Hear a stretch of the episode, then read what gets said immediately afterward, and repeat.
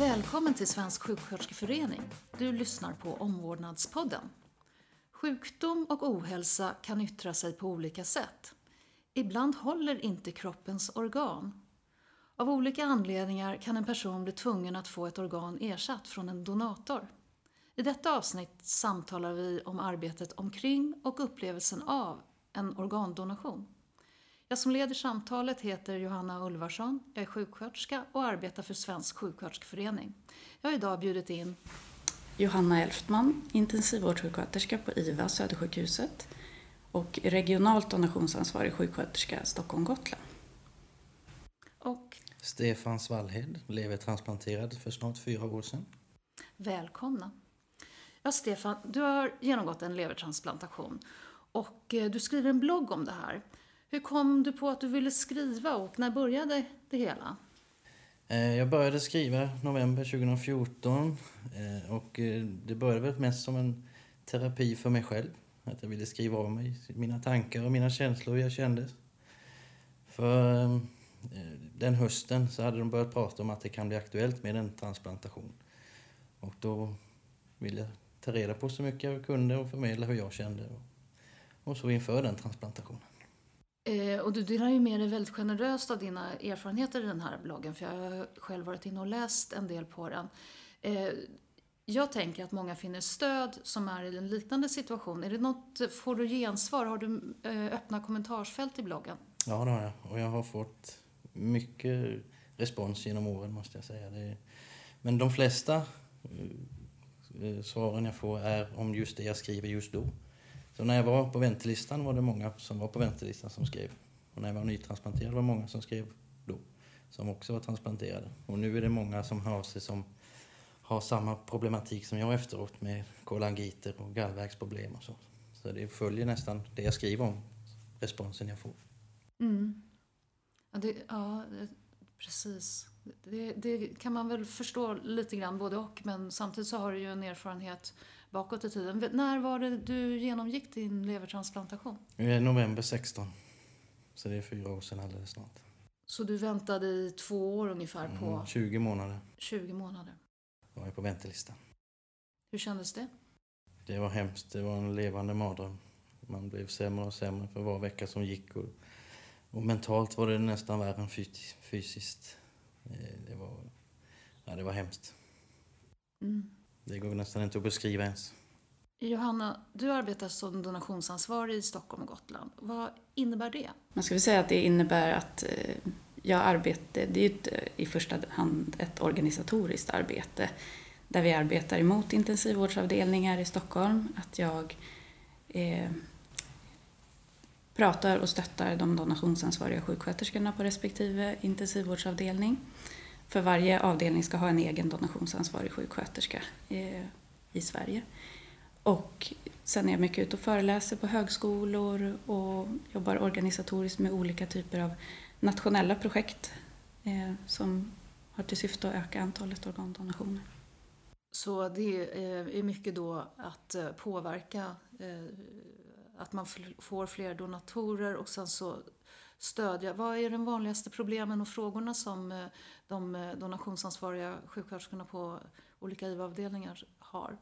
Ja, dels kan det handla om att organdonation är ett ganska smalt och litet ämne egentligen. Intensivvårdsavdelningar, om vi bortser från neurointensivvårdsavdelningar som ju har många med svåra eh, hjärnskador, så är det ganska sällan förekommande.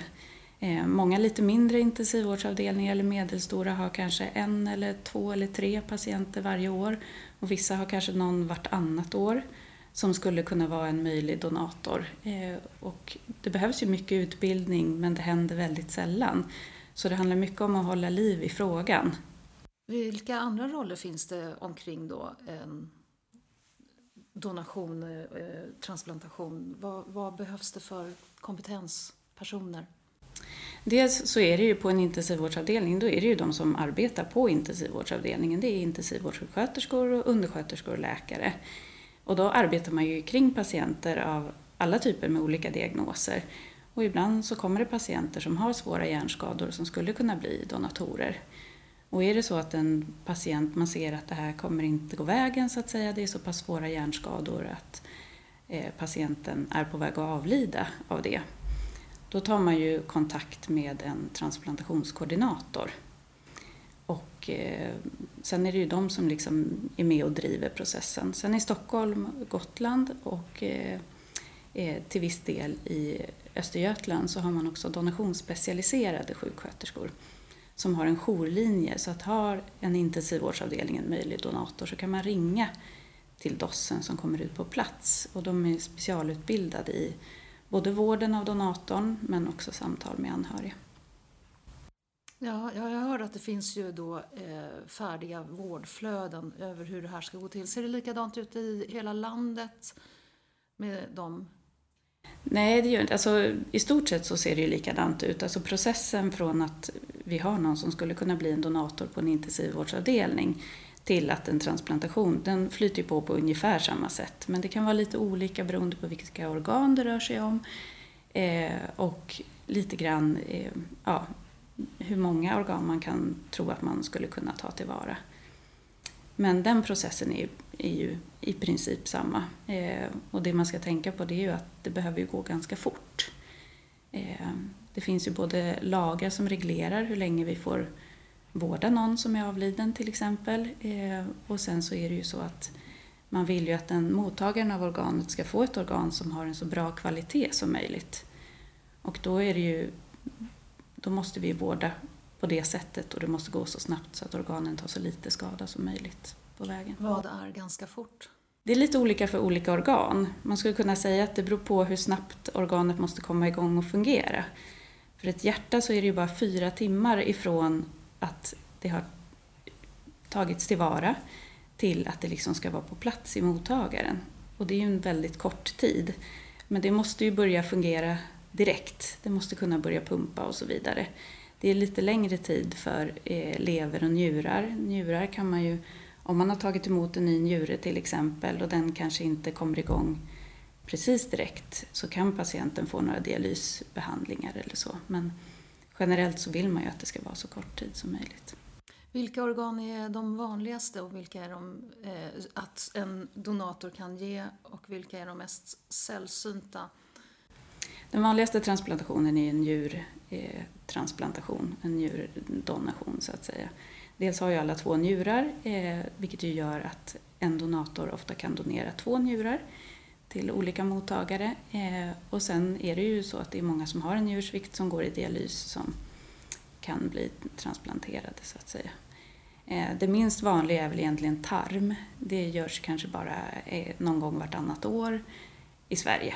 Så det är en ganska ovanlig transplantation. Och de här organen då som är tillgängliga, möter de upp behovet? Eller finns det, är det snett där? Alltså det finns ju, det är ju ett antal personer som avlider i Sverige på väntelistan varje år. Eh, och det betyder ju att det inte finns tillräckligt, så att säga. Sen är det ganska många patienter som står på väntelistan också, runt 800 ungefär. Eh, Sen är det ju så, man kan ju inte...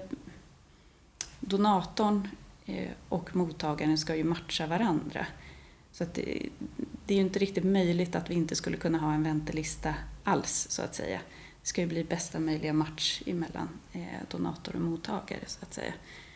Men eh, ingen ska ju egentligen behöva avlida på väntelistan.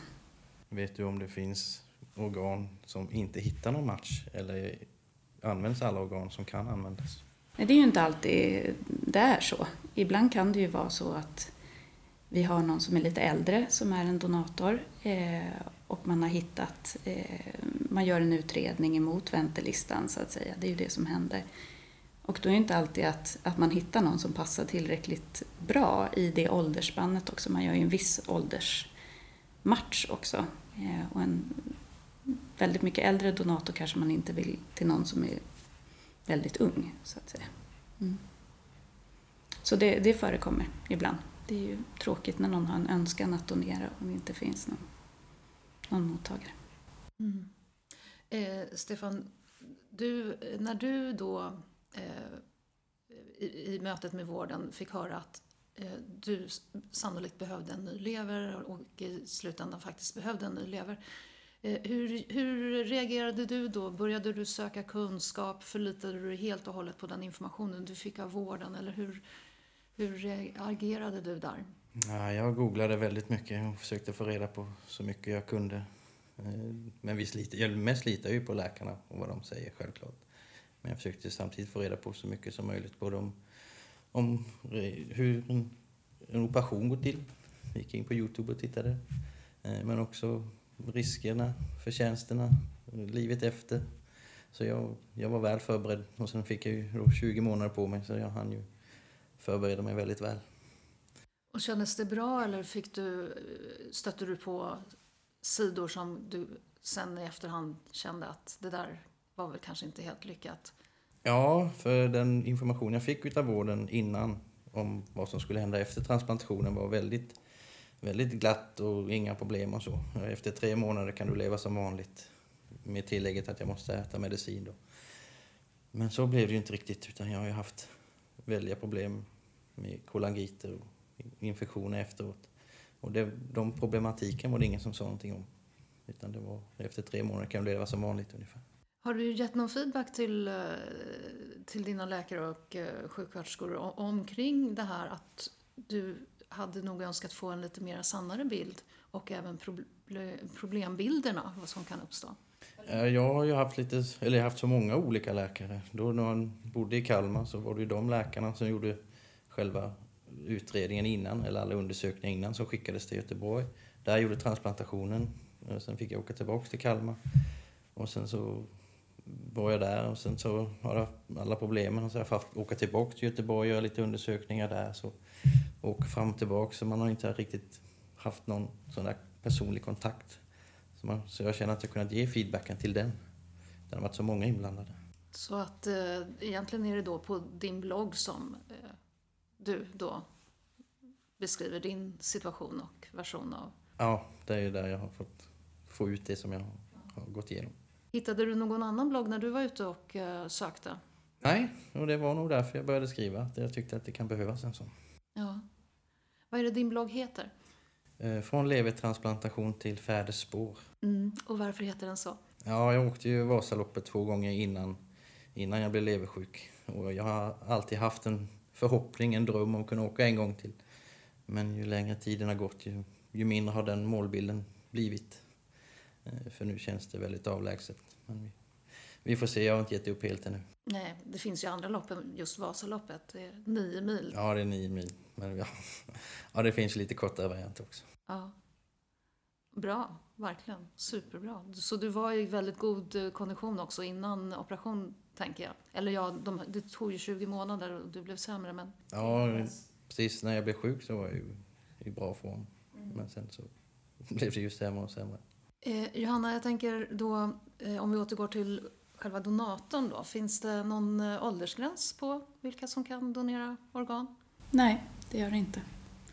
Eh, och det är ju en ganska vanlig missuppfattning egentligen bland folk i allmänhet egentligen, att det finns en övre åldersgräns. Och många som är äldre uttrycker det när man pratar om det, att ja, men jag är ju för gammal. Och, eh, det finns ju till och med de som eh, säger nej till donation därför att de tror att ingen skulle kunna vara hjälpt av deras organ för att de är så pass gamla.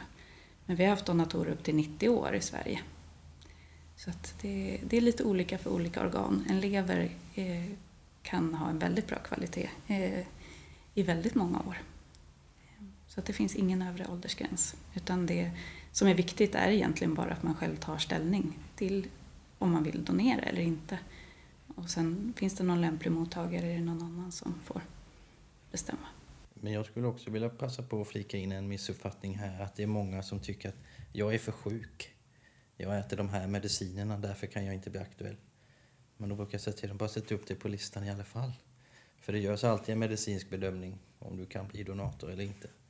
Så det är också en missuppfattning kan jag tycka. Mm.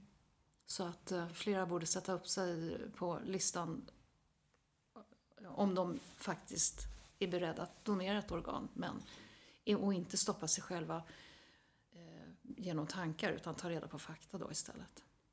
Det är bättre att sätta upp sig på, eller ta ställning för donation en gång för mycket, en gång för lite.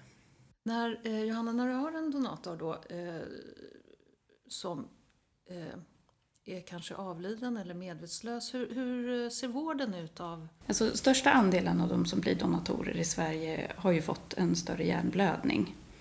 Eh, Det finns ju lite grann en missuppfattning att det ofta skulle röra sig om trafikolyckor eller så, men över 60 procent av de som blir donatorer i Sverige har, har haft någon större hjärnblödning av något slag. Eh, Och det här är patienter som ofta kanske insjuknar i hemmet, kommer in och är medvetslösa till akuten och så intuberas de där. Eh, Och så går man via röntgen och gör en CT-skalle för att se vad som har hänt, varför patienten är medvetslös. Och så kommer de upp till intensivvårdsavdelningen där vi vårdar dem i respirator. Sen eh, i vården, då försöker vi ju ge bästa möjliga vård för de här patienterna. Vi försöker att hjärnan ska få bästa möjliga eh, återhämtning. Dels genom att patienterna är sövda, vi har 30 graders höjd huvudända, vi har ett natrium som ligger över 140 och så har vi blodtryckskontroll och så vidare. Eh, sen så försöker man ju väcka de här patienterna efter ett tag. Och det är ju lite olika, då utvecklar utvärderar vi ju deras neurologi och ser hur pass svåra de här hjärnskadorna är, så att säga. Och ibland är det ju så att, det, att patienterna förbättras och kan sen kanske extuberas och åka till avdelning. Men ibland så går det ju åt andra hållet, att vi ser att de här skadorna försämras successivt. Och då kan det ju vara så att patienten avlider i en total hjärninfarkt. Det betyder ju att det inte finns några funktioner kvar i hjärnan. Och är man då kopplad när det här händer till en respirator på en intensivvårdsavdelning så kan resten av kroppen hållas igång fast man har avlidit. Så att säga. Och det är under de förutsättningarna som man kan donera organ. Sen eh, handlar det ju väldigt mycket om samtal med anhöriga. De befinner sig i en akut krissituation. En av deras närstående har blivit svårt sjuk och man vet inte vad som händer. Så att vi har ju upprepade samtal med närstående i den här processen. Då. Sen när man har avlidit eller man har nått till en brytpunkt, det vill säga att vården inte är meningsfull för patienten längre, så får man göra en sökning i donationsregistret. Eh, och det är ett visst antal personer i Sverige som har den behörigheten. Det får inte vem som helst göra. Man är ju ganska noga med att det ska liksom inte finnas några eh, ja, men, bindningar mellan liksom, intensivvården och transplantation. Vårt fokus är att eh, vårda patienten på intensivvårdsavdelningen är de bästa möjligheter. Om vi inte kan rädda livet på de här patienterna och de har en önskan donera, då ska vi respektera deras vilja. Så att eh, har patienten avlidit så gör man en sökning i registret. Ungefär 1,7 miljoner svenskar som har anmält sig till donationsregistret. Så det är väldigt många som inte finns med. Och då sitter man ner och pratar med anhöriga och eh, förklarar situationen. Det är ju väldigt viktigt att anhöriga har förstått att eh, deras närstående har avlidit. Att annars har man inga förutsättningar för att kunna diskutera donation. Och anhöriga är ju där för att tolka den avlidnes vilja. Vi frågar ju inte anhöriga vad de önskar eller vill, utan det är ju för att kunna tolka den som är avlidens vilja. Eh, och då har man gjort en, en, sökning i registret och om det inte finns någon registrering där så diskuterar man och frågar vad de tror att den som har avlidit skulle vilja. Eh, och eh, om vi vet att det finns en positiv donationsvilja så kontaktar man en transplantationskoordinator. Och sen börjar en stor utredningsapparat. Från att någon har avlidit eller konstaterats avliden till att en eh, donationsoperation ska ha påbörjats så får det gå max 24 timmar.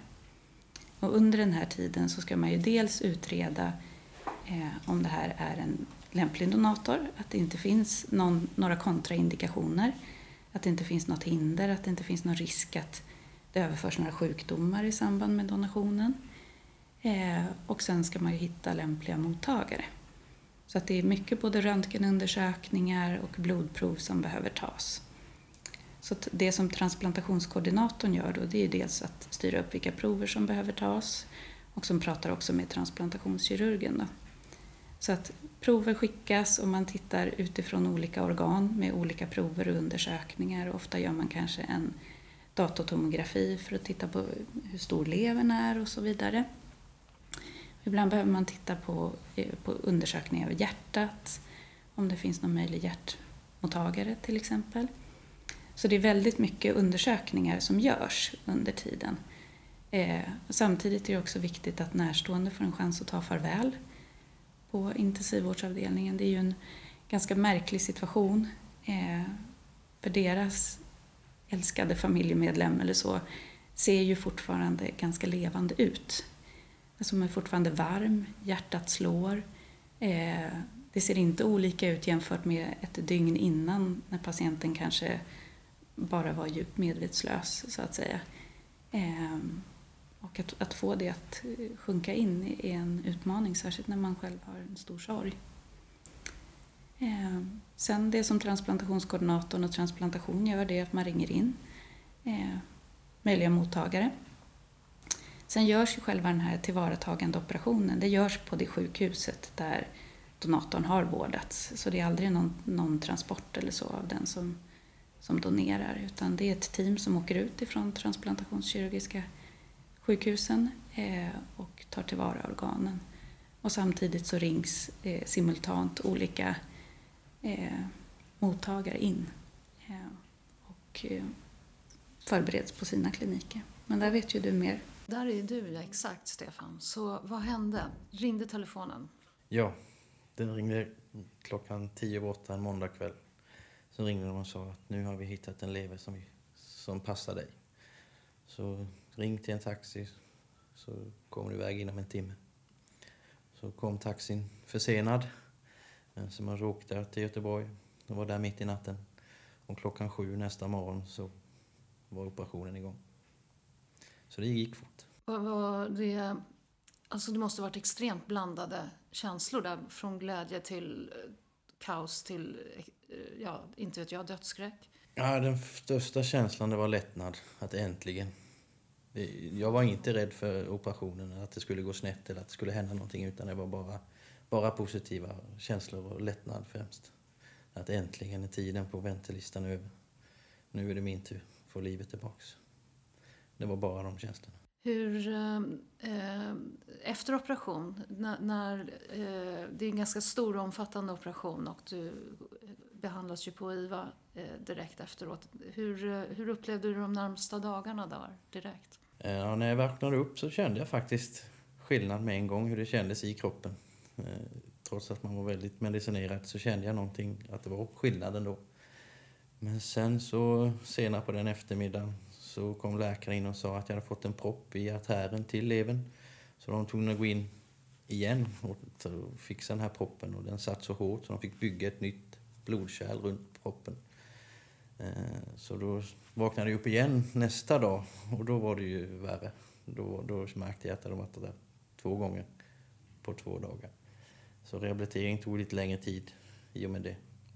Och det är ju därifrån mina problem med gallgångarna kommit också. Det blir ju syrebrist i gallgångarna som då blir skadade. Det är därför jag fått så många kolangiter efteråt. Mm. Okay. Tänker du någonsin på donatorn som gav dig? Ja, det gör jag. Och eh, faktiskt genom bloggen så har jag fått kontakt med donatorns sambo. Oj! Ja, trots varningar från sjukvården innan att man inte skulle skriva att någon kunde, kunde räkna ut vem, vem min donator var så lyckades hon göra det. För jag skrev ändå på ett sådant sätt som jag tyckte att det borde inte kunna gå, men hon lyckades. Eh, så att jag, vi har haft mejlkontakt ganska länge och det har blivit lite sporadiskt. Så. Och för min del tycker jag det känns faktiskt jättebra att ha haft den kontakten. Ja, det tror jag. Det måste ju kunna göra att både du och hon kan bearbeta. Mm. Hon har skrivit just det också, just att det känns bra att, att följa mig och min resa också. Att det inte var helt meningslöst. Precis så skrev hon. Mm. Fantastiskt. Ja, vården, eh, Johanna, vill ju helst inte då att eh, patienter ska eh, ta kontakt eller så, ha det. Hur, hur, hur tänker man där? Ja, det, det handlar väl om, det är väl lite olika kultur. I USA till exempel är det väldigt vanligt. Där att man har kontakt mellan familjer på donatorsidan och mottagarsidan. Men en del av det handlar ju om att eh, man vill att mottagaren ska känna att det här är mitt organ nu. Det är inte någon annans utan det här är en gåva som man har fått. Eh, sen är det ju också, eh, det är ju inte alltid det går bra. Eh, det, det vet vi ju. Oftast, allra oftast så gör det ju det. Och det är ju frågan också om det, om det är någonting man vill veta som familj till en donator. Att, att det kanske inte har gått så bra, så att säga. Och sen är ju frågan också, jag tror också att det har förändrats i och med sociala medier och jag tror att en hel del har fått kontakt via MOD, eh, Mer organdonation, som ju är som en patientorganisation eh, kring eh, patienter som är på väntelistan och har transplanterats och så vidare. Eh, så jag tror att det är vanligare nu. Eh, men det är väl att det ska inte, man ska inte känna att man hamnar i skuld på något sätt. Att man är, det här är en gåva som man får ta emot helt enkelt. Men jag tror att det har förändrats genom åren. Jag tror att det var mer liksom ett, ett större motstånd tidigare egentligen. Eftersom det är så mycket lättare att få kontakt nu. Mm, via sociala medier och sådär, absolut. Eh, en annan fråga som jag funderar på det är ju, eh, Johanna, det här med personcentrerad vård som vi som sjuksköterskor alltid utgår och arbetar ifrån. Och eh, personcentrerad vård för eh, personen som tar emot ett organ eh, är ju förstås jätteviktigt, men då donatorn. Hur, hur kan man tänka där? Det blir ju ganska svårt, tror jag, att arbeta personcentrerat. Eller det kanske inte är svårt. Alltså man ska säga att på intensivvården så är vi ju vana att arbeta med sövda och medvetslösa patienter överlag. Och vi pratar ju alltid med våra patienter även om vi inte vet hur mycket som, som går in så att säga när någon är medvetslös eller, eller sövd så att säga. Så att det är ju som ett sätt att vi alltid respekterar patienten. Eh, man är ju väldigt utsatt när man vårdas på intensivvården. Många av de basala funktionerna har ju vi tagit över. Så att där försöker vi ju alltid att, eh, att arbeta på det sättet i mesta möjliga mån så att säga. Sen får man ju alltid arbeta mot anhöriga eh, och stötta dem så mycket som möjligt, liksom som en förlängning av patienten och hur, hur den mår. Eh, Sen är det ju så att vi, om någon kan bli en donator då får vi respektera deras vilja och det handlar ju om att möta upp vad de har önskat och försöka göra det möjligt. Och när man arbetar med eh, eh, mottagaren, eh, det är samma sak där för dem, när, för du träffar ju dem när de ligger på IVA också.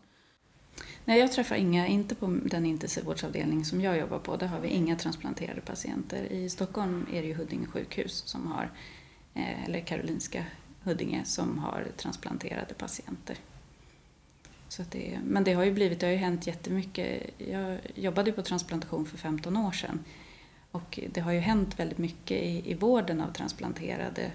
Många eh, behöver inte ens vårdas efter en levertransplantation eh, på intensivvården eh, längre utan att de kan till och med vårdas på postop efter en levertransplantation och det var ju i princip otänkbart för 15 år sedan. Så det, det har ju hänt väldigt mycket. Och vad beror det på? Vad är det som har hänt och utvecklats? Är det eh, skonsammare operationer? Är det andra läkemedel? Vad? Ja, alltså framförallt så tror jag det är på anestesisidan som det har hänt en hel del, men också alltså rent kirurgiskt förstås. Eh, när jag jobbade då beställde vi ju alltid väldigt mycket blod i samband med att en patient skulle levertransplanteras för att man var alltid, och det behövs nästan inte längre. Mm. Så det, det, det, har hänt mycket. När vi diskuterar, Stefan, när vi diskuterar personcentrerad vård, är det något du känner igen? Det är ett helt nytt begrepp för mig. Jag vet inte vad det innebär för någonting. Nej, eh, och det gör mig ju lite ledsen. Vad Eh, ja, personcentrerad vård handlar ju om att ta tillvara vad eh, personen som man vårdar eh, vill, önskar, vem den är, har för behov och att man går lite, en, en lite extra mil då för att det ska bli så bra som möjligt för dig och dina närstående. Kände du att du kanske ändå fick personcentrerad vård eller kände du att det var ganska schematiskt? Med den beskrivningen så känns det som att det är någonting sjuksköterskorna gör i vardagen utan att berätta att det här är personcentrerad vård utan de gör det nog i, i, i ryggmärgen.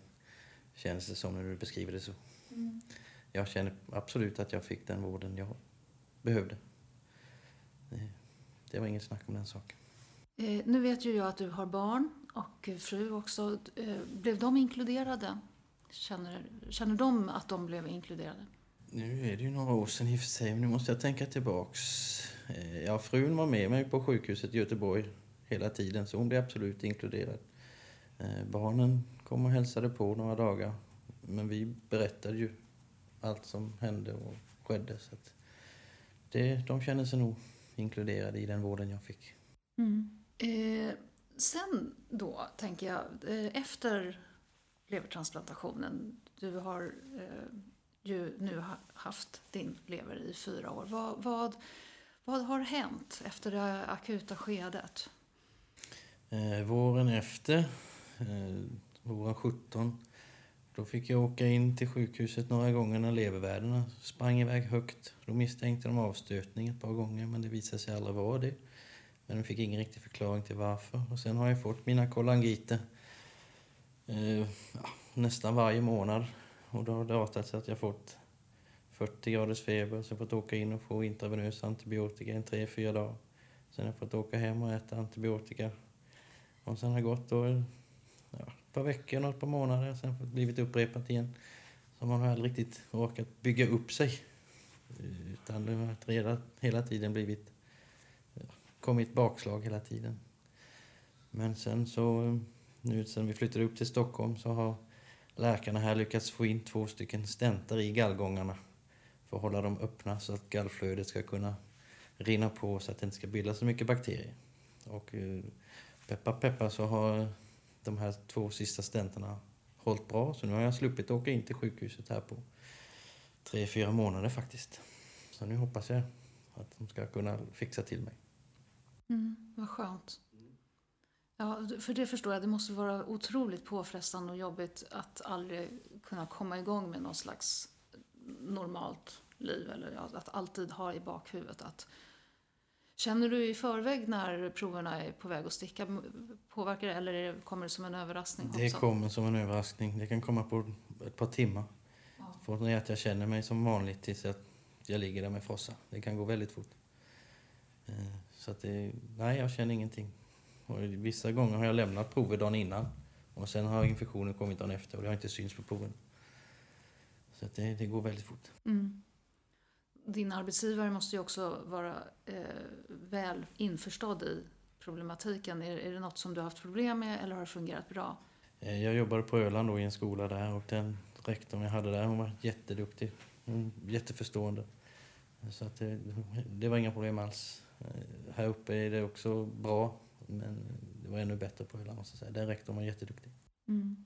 För att man, ja, precis, det är många bitar som behövs för att ett liv ska fungera eh, efter att man har gått igenom. Och vården vi kanske ofta är lite grann eh, att vi ser akuta och sen så inte riktigt, eh, ja som du beskrev också, att du inte riktigt fick den sanna bilden av vad som kan hända och vad som har drabbat dig här framöver.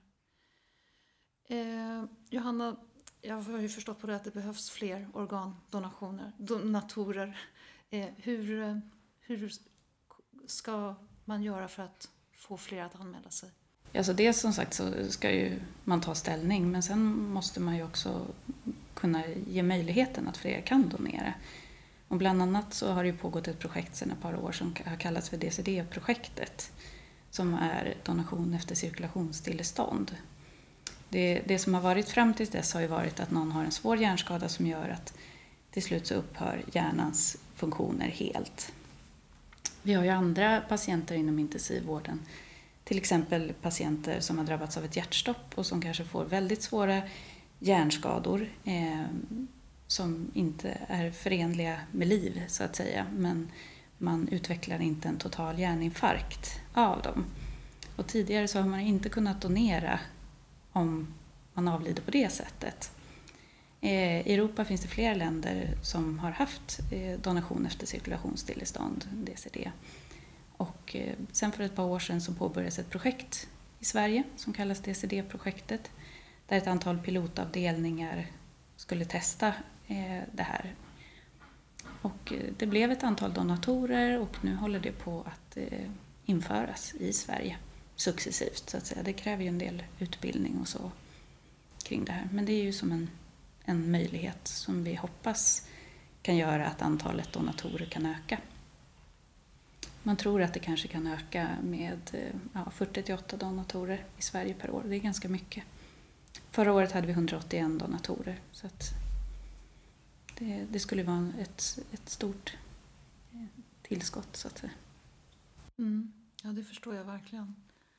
Eh, finns det andra möjliga vägar? Ja, det handlar ju mycket om utbildning förstås. Att eh, alla som arbetar inom intensivvården ska veta vilka som kan donera och man ska uppmärksamma eh, de möjliga donatorer som vi har.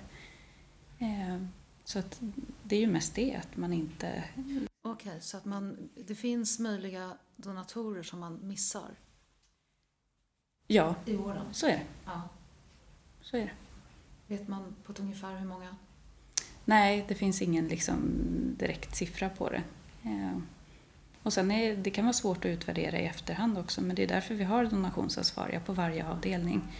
Det ska finnas en eh, donationsansvarig sjuksköterska och en donationsansvarig läkare som både ska jobba med utbildning men vars arbete också är att granska journaler och uppmärksamma de fall där det kanske har missats en donator.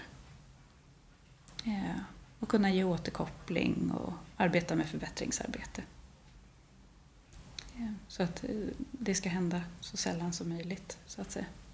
Mm. Att arbeta med, eh, som donationsansvarig då och eh, med transplantationer är ju att gå från död till liv. Är det någonting som du och dina kollegor reflekterar kring, Johanna?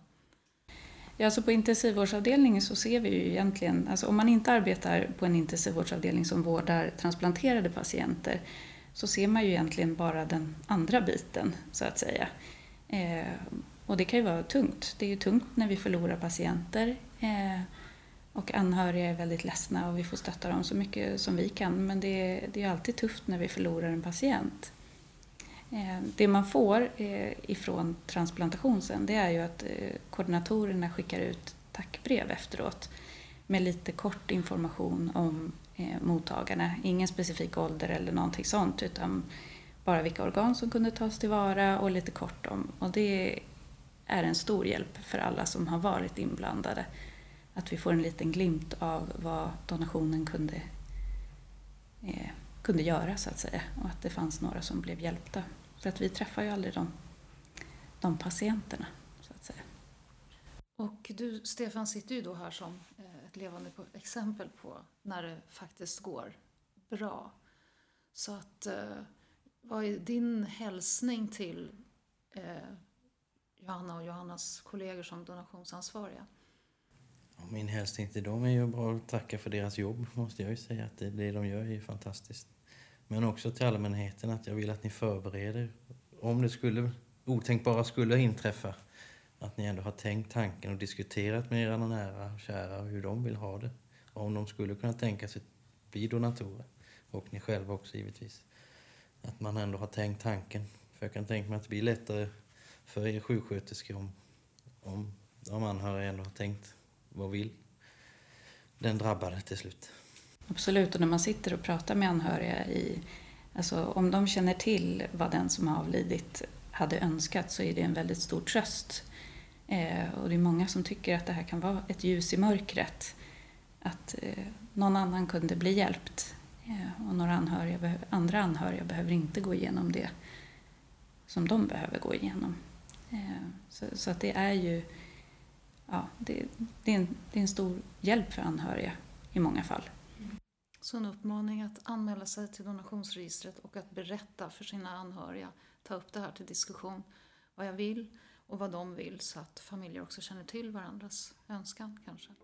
Det hade min donator och hans sambo. De hade diskuterat igenom vad han ville om det skulle inträffa. Så att hon visste ju vad han ville. Tack så jättemycket för att ni ville komma hit och eh, vara medverka i Omvårdnadspodden. Tack så mycket. Tack så mycket.